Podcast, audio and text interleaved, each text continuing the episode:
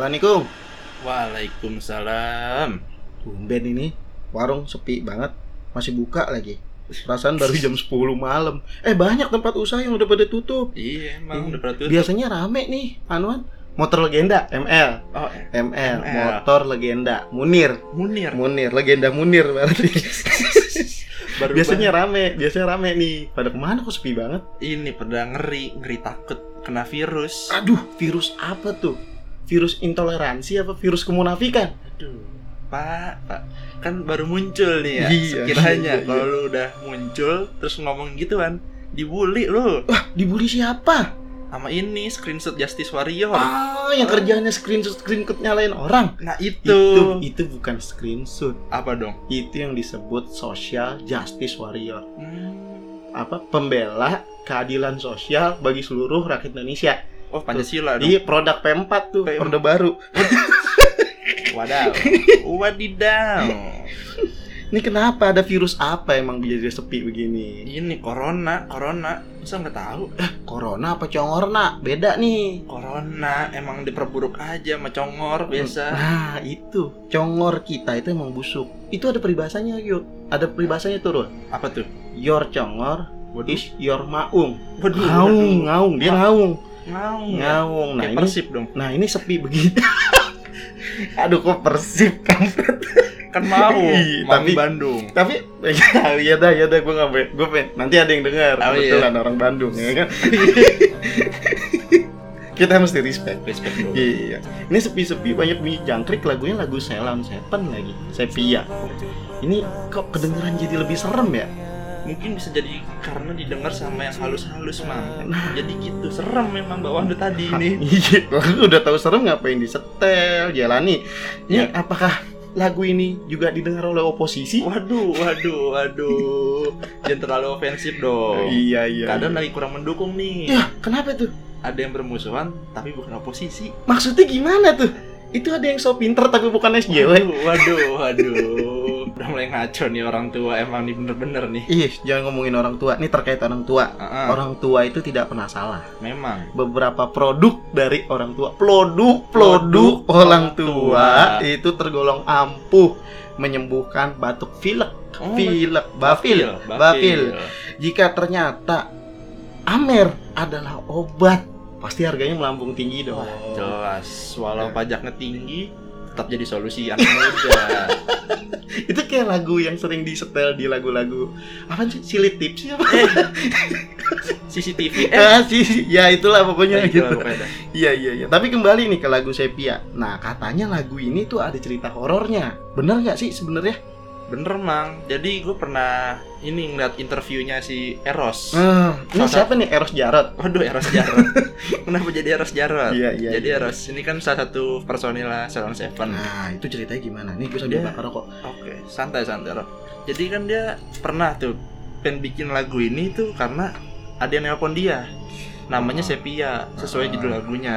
Terus pas di ituin apa dia nelpon ngobrol-ngobrol-ngobrol sama Eros. Jadi Eros tuh kepikiran nih bikin lagu. Terus pas udah jadi lagunya ada yang ngasih tahu kalau ternyata Sepia itu udah meninggal.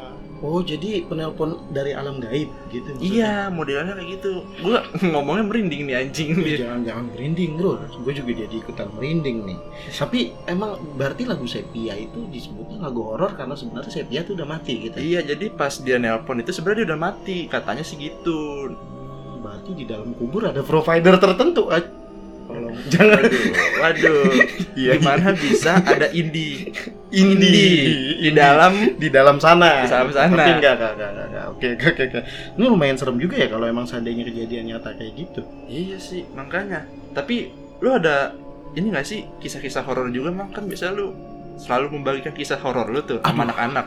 Kisah horor gimana ya? Kalau Iya. masalah horor-hororan sih sebenarnya ada, Ru. Cuma kalau mau lihat yang lebih horor lagi sih dompet gue nih. Nah, ini gue keluarin dulu nih. Dompet gue jauh lebih horor daripada cerita-cerita horor yang beredar di masyarakat. Bukan gitu, Mang. Maksudnya yang berhubungan dengan dunia mistis. Aduh. Ya walaupun lu tiap hari sih ngalamin hal mistis, Heeh. tapi barangkali ada gitu pengalaman yang nggak lu lupain. Kayak anjir, gila nih serem banget, sumpah. Gitu. Wah, ada gue pernah ngalamin dulu waktu zaman gua masih SMA. Oh, semea. Semea berarti kan gue pakai rok sepan dong. Oh, iya. Semea. SMA Salah, jangan bercanda ini cerita horor. Oh, iya. kalau cerita horor nggak boleh bercanda. Nah jadi ceritanya itu waktu itu gue masih SMA nah ketika gue SMA Hmm. gue waktu itu masih tinggal di Depok. Nah beberapa teman gue ada yang pernah ke sana sih. Depok loh ya. Oh, Depok. Depok itu seram bukan cuma karena horor. Pemdanya juga kalau bikin peraturan seram-seram tapi ini Oh, kita nggak kita, kita kita lagi ngebahas horor Horor. Kan gue lagi nanya horor nih. Soalnya dari tadi hawanya gak enak banget di sini, Pak. ya kalau Soalnya tadi gue lagi merokok nih sambil game dikit kan. Hmm. Itu wajan jatuh dong. Ngeri banget nggak tuh? Nah itu tapi terkait masalah wajan jatuh mungkin mungkin baru mungkin aja Apa tuh? ada tikus kan Iya. kita juga harus positif. Positif sih. karena bicara masalah horor sebenarnya selama bisa dipositifkan kenapa enggak tapi untuk kasus yang cerita yang pengen gue ceritain sama lo nih kita nggak bisa bilang itu cerita yang bisa dilogikain nah Kenapa jadi tuh? eh cerita tuh mulai waktu gua kelas 2 SMA Hmm. waktu gua kelas 2 SMA eh, intinya gue pindah rumah lah Ke Depok. ke Depok Terus? jadi gua nggak mau nyebut Depoknya mana Hmm. kalau lu naik 04 Angkot tuh. angkot 04 yang warna biru coklat Hah? dari pasar minggu Ke arah Depok. arah Depok. Nah itu nanti lu turun di daerah namanya Sukma Jaya.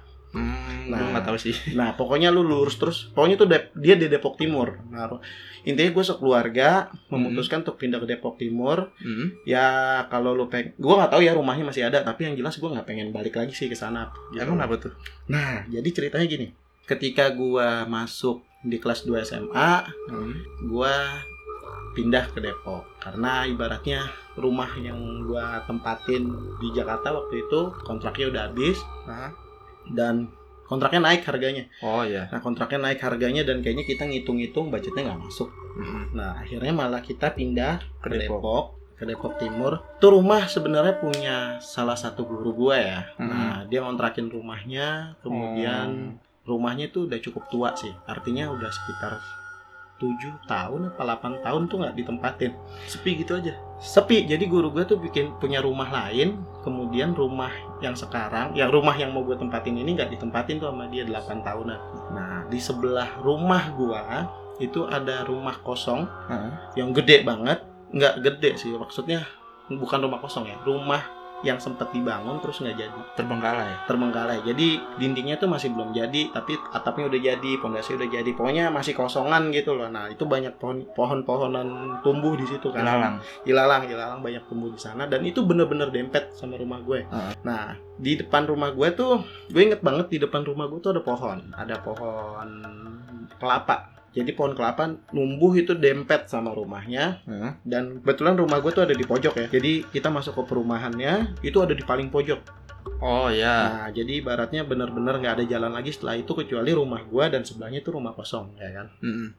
Nah, awal mulanya kita mutusin buat ke sana, buat pindah. Tentunya kan kita bersih-bersih dulu dong sekeluarga. nah, pasti setelah dong. gua bersih-bersih, pertama gua ngeliat rumah ini kok kotor. Mungkin kotor ya, waktu itu memang kotor banget Karena nggak ditempatin. karena nggak ditempatin hampir 8 tahun. Hmm. Lampunya, listriknya udah banyak yang mati, lampunya udah banyak yang mati. Nah, gue inget banget tuh. Jadi di dapur, Hah? di tembok dapur bagian belakang itu ada pohon beringin. Jadi akar pohon beringin numbuh. Nah, itu Kok udah horor ya? nah itu udah horor nah itu jadi kayak ada akar pohon beringin. Nah gue punya abang. Jadi abang gue tuh cukup berani banget. Itu Hmm. langsung dicabut akarnya. Jadi gue nggak tahu ya entah itu pohon beringin entah apa po- tapi bentukannya sih kayak pohon beringin yang kecil gitu. Yang Oh. numbuh di pohon yang numbuh di Iya iya tahu gue. tembok. Hah? terus setelah dicabut sama abang gue ya akhirnya kita bersihin kita pel kita sikatin apa yang perlu kita sikatin. Nah terus habis itu kita pindah ke sana. Dan gue pindah ke sana tuh gua abang gua dua sama istrinya Hmm. sama anaknya. Abang gua juga yang nomor dua adik gua nyokap terus anak abang gua satu lagi sama om gua. Kita bersembilan lah pindah ke sana. Rame. rame ibaratnya rame. Nah tuh rumah gede banget gede banget. Kayak rumah itu punya tiga kamar. Nah Hmm. gue tidur sendiri. Abang gue yang nomor dua sama nyokap gue tuh karena kamar nyokap gue waktu itu gede banget kan. Hmm. dan kita punya kamar kamar nyokap gue tuh tinggi banget selingnya. Jadi muat buat buat berapa orang tuh gede karena emang rumahnya gede gue Hmm. jujur rumah gede. Dan itu antara ruang tamu sama ruang keluarga terus ada kamar abang gue di situ. Nah kamar abang gue yang punya istri ini sendiri agak misah. Jadi posisinya tuh yang mesti lu tahu jadi kamar mandinya misah. Kamar mandi mandi sama kamar mandi pup itu misah. Jadi kamar mandi pup sendiri, kamar mandi yang biasa sendiri. Di antara kamar mandi tempat kita mandi sama kamar mandi pup, Heeh. nah itu ada gudang loh. Jadi gudangnya tuh nggak pernah kepake. Jadi bener-bener banyak barang-barang dari penghuni lama yang ditaruh di situ. Mm-mm. Terus ya jujur gue nggak pernah masuk ya, abang gue dong yang masuk. Dan menurut abang gue hawanya nggak enak, panas gitu. Ya gudang. Iya. Kalau gudang ada AC-nya kan lain, jadi Iya. tempat tidur ya kan. Iya. Kemudian akhirnya mesin air ada di dalam gudang itu. Nah itu emang agak rumit sih. Jadi PR kalau nah itu emang jadi emang udah tuh rumah emang keadaannya kotor sih. Gue bilang emang kotor. Terus kita tempatin, kita bersihin, masuk udah kita atur barangnya. Ya ibaratnya enak lah. Iya. Ibaratnya tuh rumah.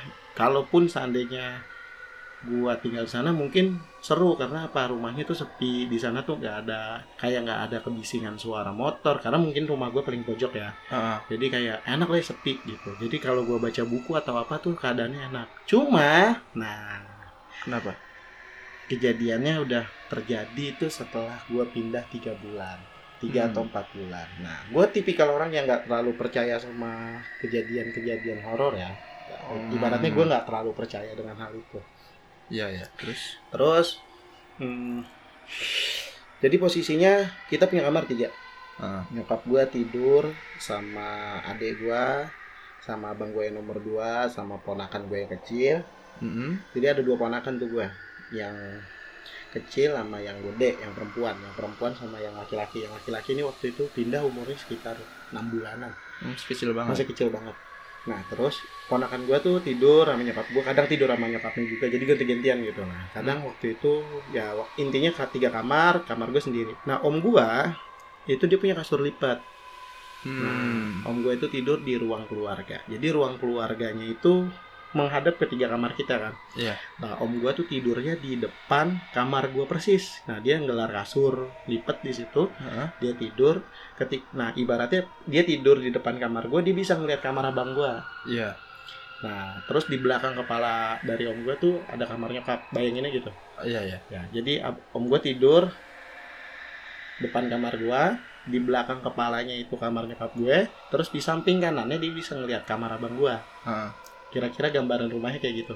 Berarti dia di tengah-tengah banget tuh. Nah, dia di tengah-tengah, dia tidur di tengah-tengah di ruang keluarga dan dia tidur di sampingnya itu kebetulan kaca. Jadi jendela, jendelanya tuh panjang, gede gitu, panjang. Emang tuh rumah gede, gue, jujur. Itu jendela ke luar. Jendela ke teras. Oh, teras. Jadi rumah itu tuh ada terasnya, ada garasinya. Hmm. Jadi motor kita parkir di garasinya, terus habis itu di samping om gue tuh teras, teras buat duduk-duduk lah. Gitu. Hmm. Nah terus om gue nih cerita awal mulanya. Jadi dia ngalamin kejadian, dia tidur. Nah om gue nih kalau tidur nggak pernah gimana ya? Posisinya tuh tegak lurus, Telentang. kakinya telentang. Nah Ah. orang tidurnya tuh telentang, bener-bener telentang. Terus limutan. Kejadian pertama itu terjadi ketika kita udah pindah tiga bulan. Nah, om gua tidur, dadanya ngerasa nyesek kayak diinjek. Waduh. Terus terus. Nah, setelah dia ngerasa diinjek, dia nggak bisa gerak. Iya. Bener-bener nggak bisa gerak. Dia coba buat buka mata. Mm-mm. Kata dia tuh ada sosok pocong berdiri di atas dia tidur dan itu nindihin dia. Nah, terus eh, Enggak, jadi kalau menurut om gue, ya dia cerita paginya gitu. Ngerasa diganggu nih karena kayak tadi semalam gue kok tidur. Ya gue bilang ke om gue dong gitu. Mungkin om kurang tidur kali eh kurang doa gitu. Belum berdoa pas tidur. Mm-mm. atau belum sholat pas tidur gitu. Masih positif masih positif thinking. Gue selalu positif thinking orangnya. Artinya gue nggak pernah mau mau apa ya ibaratnya terdistraksi sama hal-hal horor ya. Karena Ah. buat gue rumahnya tuh asik kok gitu. Hmm. Nah terus tiba-tiba kejadian yang kedua itu selang beberapa minggu Mhm. sekitar dua minggu om gue tidur lagi jadi om gue nih tidur sendiri ya Heeh. dan itu lampu semua kita ta- matiin kan Hmm. nah om gue tidur dia ngerasa kakinya digelitikin Hmm. udah mulai kakinya digelitikin terus kemudian suka ada bunyi langkah kaki Tuh, di sampingnya kemudian suka digelitikin ya gue mikirnya sebenarnya oh mungkin bangunlah om gue udah mulai nggak bisa tidur selama dua minggu jadi om gue tuh kalau pulang nggak tidur nggak bisa tidur Terus gimana tuh? nah ketika itu ya gue pikir gue mikir positif ya mungkin emang rumahnya rumah kosong gue belum per, ngadain pengajian Mm-mm. Ya, tapi kalau ngadain pengajian manggil orang tentu biaya nggak ada dong. Hmm. Nah, Iya kita manggil orang kan. Ah, Nah, ibaratnya ya selama gue masih bisa doain sendiri sama keluarga gue kenapa enggak? Iya. Nah akhirnya kita coba buat ngadain selamatan kecil-kecilan keluarga. Agak tuh surut gangguannya kalau kata om gue. ah. Cuma bertahan hanya tiga hari. Jadi pas di hari ketiga om gue tidur Mm-mm. itu gangguannya makin parah. Parah lagi tuh. Lebih parah, lebih parahnya dalam arti gini, ketika om gue tidur kakinya nggak cuma digelitikin tapi juga selimutnya dibuka ditarik. Kayak di film-film dong. persis kalau lu kayak gue juga sempat nggak percaya masa sih gitu Ah. ibaratnya om gue tuh sampai ya udahlah ibaratnya kita berusaha buat positif gue berusaha mungkin om kurang kurang doa mungkin om berdoa Hmm. sholat gitu Ah. om gue sholat om gue tuh tipikal yang di rumah itu dia sholat dia ngaji kemudian dia juga baca Quran segala macem Hmm. gitu kan minum dong minum dong Iya. Nih kopi kopi kopi dulu. ya ya, ya. Nah, terus nah terus ibaratnya setelah itu nah gak ibaratnya sih setelah tiga hari kakinya ditarik udah makin parah gangguannya Hmm. gue coba waktu itu kebetulan gue inget banget itu kita libur libur semester jadi Oh, gue udah hampir ya udah hitungannya tuh sekitar gue enam bulan di sana Hmm. gue sama gue akhirnya ngobrol lah malam gitu Ngobrol serius nih. ngobrol enggak ngobrol kita panjang ngobrol kita nonton TV ngobrol Hmm. habis itu kita bahas filmnya nah kebetulan gue sama om gue ini suka film kan Ah. jadi kita nonton sampai malam sampai pagi malah hitungannya tuh jam 1 Ah. mata gue udah ngantuk Iya. akhirnya udah mau tidur terus gue masuk ke dalam kamar gue om gue tidur Iya. nah kemudian lampu dimatiin gue belum tidur artinya gue masih ibaratnya setengah tidur lah ibaratnya masih bisa kedengeran bunyi bunyi bunyi lain gitu bunyi cicak bunyi jangkrik masih kedengeran om gue kan posisinya pas banget tidur di samping jendela ya nah ketika om gue tidur di samping jendela dan jendela dia tuh jadi sama kamar gue tuh jadi satu jadi jendela kamar gue Selurusan. juga nah selurusan Ah. terus ketika gue tidur hampir tidur gue denger bunyi Bunyi apa? Bunyi kayak bunyi sapu lidi yang di jalan gitu. Oh, ini nyapu. lagi nyapu.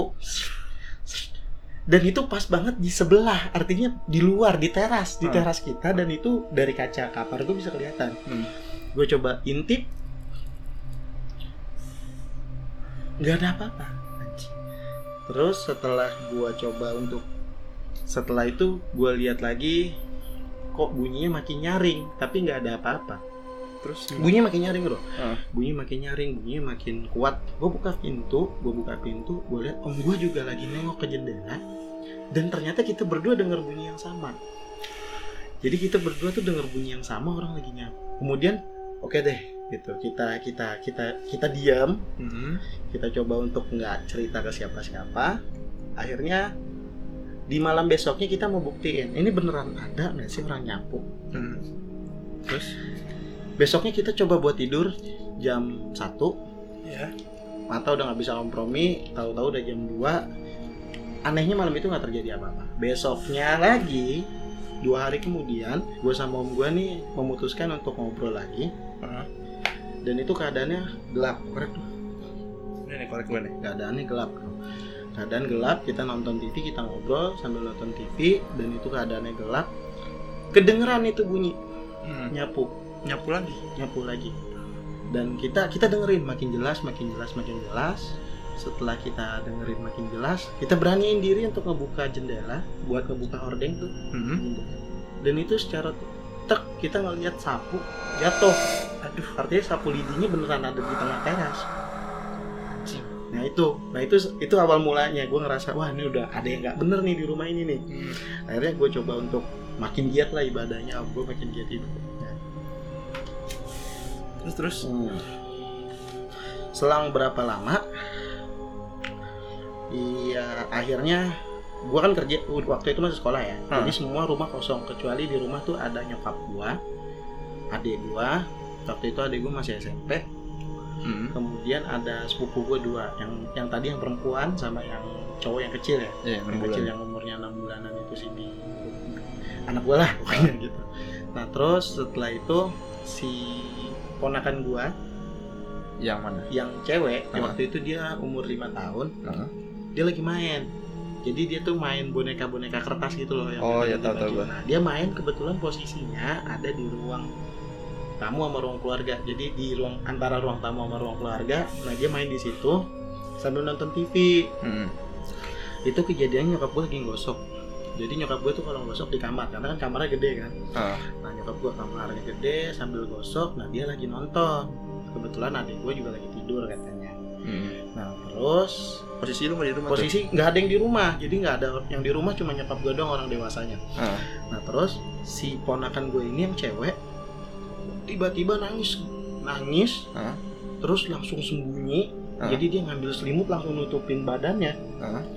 Nah rumah gue tuh punya kursi-kursi rotan. Jadi kursi-kursi rotan Mhm. yang kayak balai Iya, tahu. nah itu banyak. Jadi kita tuh punya beberapa. Nah terus di bawah kalau menurut keterangannya si ponakan gue yang perempuan ini dia ngeliat ada orang lagi sujud di di bawah bangku balai-balai bambu.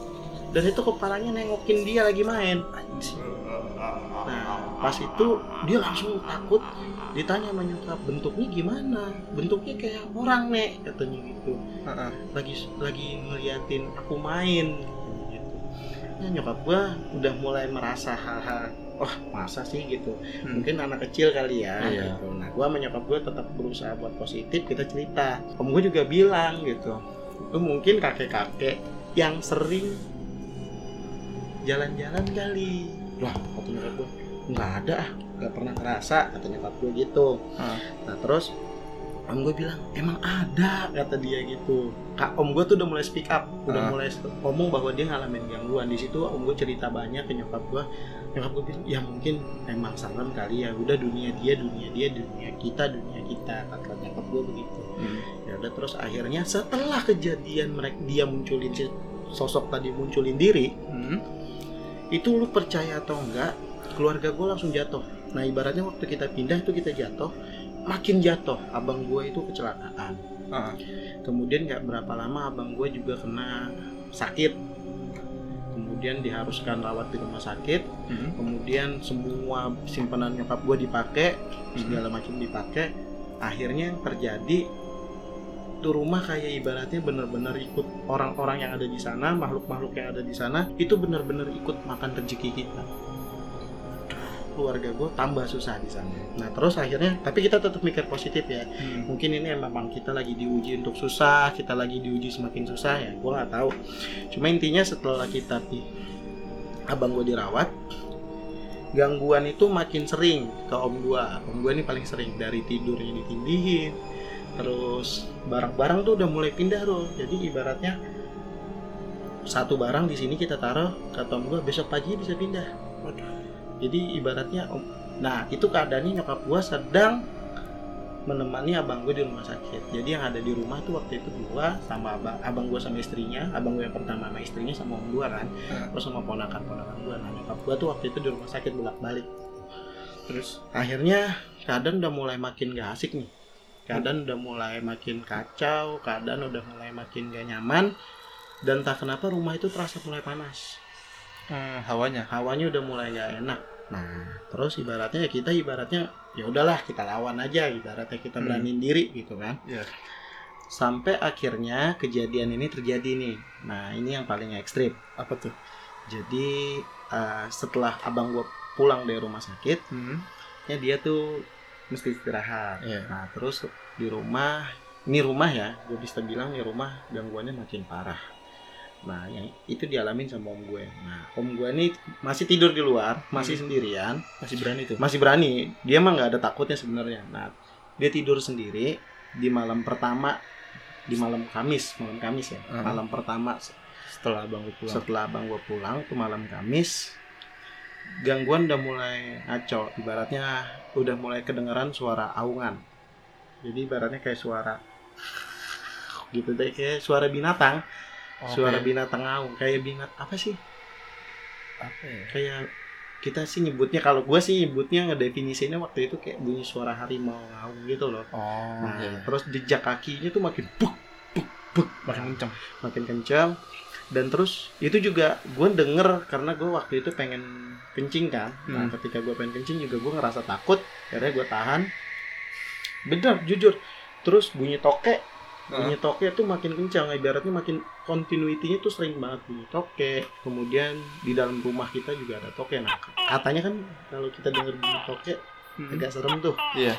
nah Mitosnya mitosnya gitu nah Hmm. terus akhirnya yang terjadi kita om gua di malam Jumat itu ini kita yasinan nah setelah kita yasinan malamnya tidurlah kita semua kan Hmm. nah setelah kita semua tidur om gua itu inget banget jam 2 malam. Oke, itu jam 2 menuju ke jam setengah tiga. Gua nggak inget tuh jamnya berapa. Hmm. om gua tuh rame bangunin. Nah rame banget Dia ngetok pintu kamar gua. Bek bek bek. Kenapa? Nah, om gua ini cerita. Jadi ketika dia tidur itu ada bunyi bau bangke. Baratnya pas dia tidur ada bau bangke. Heeh. badannya langsung nggak bisa bergerak. Badannya nggak bisa bergerak Hmm. benar-benar kayak dikunci setelah bau bangke itu makin nyengat Hmm. ada angin kencang di luar rumah. Nah setelah anginnya mulai kencang, bau bangkainya makin nyengat, om gua melek matanya, tapi badannya tuh kayak dipegangin sama orang. Aduh. Terus terus kepala om ini kan ke atas kan, ke Iya. langit-langit. Pas dia bangun, kepalanya itu digerakin gitu loh, kayak digerakin, disuruh ngadep ke kamar abang gue. Digerakin sendiri. Iya, jadi kayak gerak gitu, dipaksa gerak untuk melihat di arah kamar abang gue. Di depan kamar abang gue itu kan ada pintu ya. Ah. Jadi di pintu kamar abang gue itu berdiri sosok apa warna putih, rambutnya panjang. Nah si, si sosok ini tuh ngadep ke kamar, artinya dia nggak belakangin om gue dong. Ah. Om gue ngeliat belakangnya, Heeh. tapi dia ngeliat si sosok ini tuh nyisir nyisir gitu loh pelan dan om gue dipaksa buat ngeliat gitu sampai om gue dipaksa buat ngeliat om gue baca baca baca baca baca baca nah si perempuan ini Hmm. tiba-tiba si sosok ini nengokin kepala ke belakang set dan lehernya itu panjang Anjing anjing. jadi benar-benar sampai nengok ke belakang palanya yang dalam keadaan di depan jadi ke belakang full ngeliatin om gue 180 derajat. 180 derajat dan om gue tuh makin nggak bisa ngapa-ngapain kan Heeh. sampai akhirnya put put put, put om gue nggak bisa gerak segala macam udah semua doa dibaca segala macam Merem nggak bisa juga. merem nggak bisa juga jadi bener-bener dipaksa untuk ngeliat gitu Hmm. terus entah kenapa om gue makin kuat makin kuat gitu kebenaran lah or- apa nyokap gue bangun kan Hmm. nyokap gue bangun bek pintu dibuka bus langsung om gue tuh sadar langsung ngetok kamar gue kebangunin nyokap gue juga lagi ngantuk ya kan langsung dibangunin segala macam Hmm. om gue cerita kita nyalain lampu kita cerita bahwa om gue mengalami gangguan itu. Nah itu jadi ibaratnya keadaan udah mulai ekstrim. Hmm. kita cek dong ada apa kok si sosok itu ngadep ke kamar abang gue apakah karena ada anak kecil di dalam? Ya kan kita juga khawatir kan Iya. waktu itu ponakan gue masih kecil banget. Ternyata pas kita buka ke kamar di tempat si sosok berdiri tadi kan Heeh. pas banget dia berdiri di belakangnya itu kaca Oh, di dalam kamar. Di dalam kamar itu ada kaca. Jadi kemungkinan besar di sini teorinya jangan-jangan selama ini kuntilanak itu kalau ngaca itu di belakang kacanya. Oh, anjing. Ngerti nggak? Iya, iya, iya. Nah, jadi setelah itu di situ terbongkar cerita. Jadi nyokap gue juga sering ngalamin kejadian seperti itu. Hmm. Jadi nyokap gue tuh kalau masak sendiri di rumah juga kadang digangguin, pisaunya hilang, terus bumbu yang udah dimasak tiba-tiba hilang gitu. Jadi emang kayak penunggu rumah di situ tuh emang usil banget. Hmm, iya, iya. Akhirnya kita mutusin kayaknya kita mesti pindah deh. Hmm. Nah, akhirnya selama besok pagi itu juga kita mutusin untuk pindah, kita nyari rumah lagi di Jakarta. Sampai akhirnya udah hampir dua hari itu kita packing, Mhm. kita udah siap pindah. Besoknya tuh kita pindah, nah malamnya om gue tidur. Hmm. Kata om gue gangguan tuh udah mulai nggak ada. Cuma Hmm. paginya, pagi sekitar jam 2 pagi ya, Hmm. pas om gue tidur, om gue kebangun seperti biasa, tapi kali ini nggak sesek. Hmm. Kali ini dia mencium bau harum. Setelah dia mencium bau harum, wangi sekali. Pas dia melek, itu rumah kelihatannya bersih putih, bener-bener cahaya. Ba- Ibaratnya kayak rumah itu kayak bener-bener bagus kayak istana, Kayak baru berarti bangun. kayak baru dibangun. Terus rumah itu kayak ibaratnya kok bagus banget gitu. Om gue tuh sampai kaget gitu pas dia bangun. dan itu dia nggak bisa tidur dan dia melihat banyak sosok di situ jalan jalan jalan di rumah yang terang itu nah setelah itu om ma- besok paginya cerita kita pindah nyokap gua nggak cerita apa apa setelah kita pindah kita udah pack barang kita masuk ke rumah yang baru di situ nyokap gue cerita bahwa sebenarnya dalam kepercayaan kita orang-orang tua dulu jika rumah sudah seperti itu kemudian di endingnya kita ngelihat cahaya yang bagus kemungkinan besar tempat yang kita tempatin itu adalah kerajaan mereka Berarti lu Oke. masuk ke kerajaan. ke kerajaan gaib mereka dan gue tinggal di sana. Jadinya di sana itu rumah itu sudah menjadi satu Dengan? dengan penunggu yang ada di sana. Dan kita justru menumpang. Makanya lu digangguin. makanya kita digangguin. Jadi kita tuh menumpang di istana mereka di rumah mereka yang notabene mereka udah bersatu dengan rumah itu. Jadi lu mau baca bacain lu mau apa nggak bisa Nggak ngaruh. nggak ngaruh karena ibaratnya di situ daerah teritori mereka yang nggak bisa lu sentuh. Bisa jadi setiap rumah kayak gitu. Gitu. Cuma kitanya nggak sadar gitu loh. Ya habis pikir sih gua. ya itulah makanya. Kayaknya sih itu doang sih yang serem-serem dari gua. Tapi terkait kayaknya udah mulai sepi makin angker nih. Aduh, mending lu nutup deh ya mending lu tutup warung. Yang itu nih. Bang Patur. Heeh. Lu kan tahu Bang Patur. udah biarin aja dia mah biarin aja dah gitu Closingan kalau kurang dia nggak bisa mabuk. lu ngerti kan? nggak gitu udah udah bilang sama Pak Tur nih keadaan udah lagi nggak kondusif Ya udah dah. ya Closingan dulu kali ya. closingan jadi closingan jadi gue cabut dulu nih ya Eh, ibaratnya. Tungguin dulu nama. ya udah dah Gua ngeri wajan Ya, jatuh lagi. ya udah oke oke oke gue tungguin tapi gue kuncing dulu ya Iya, ya udah. sip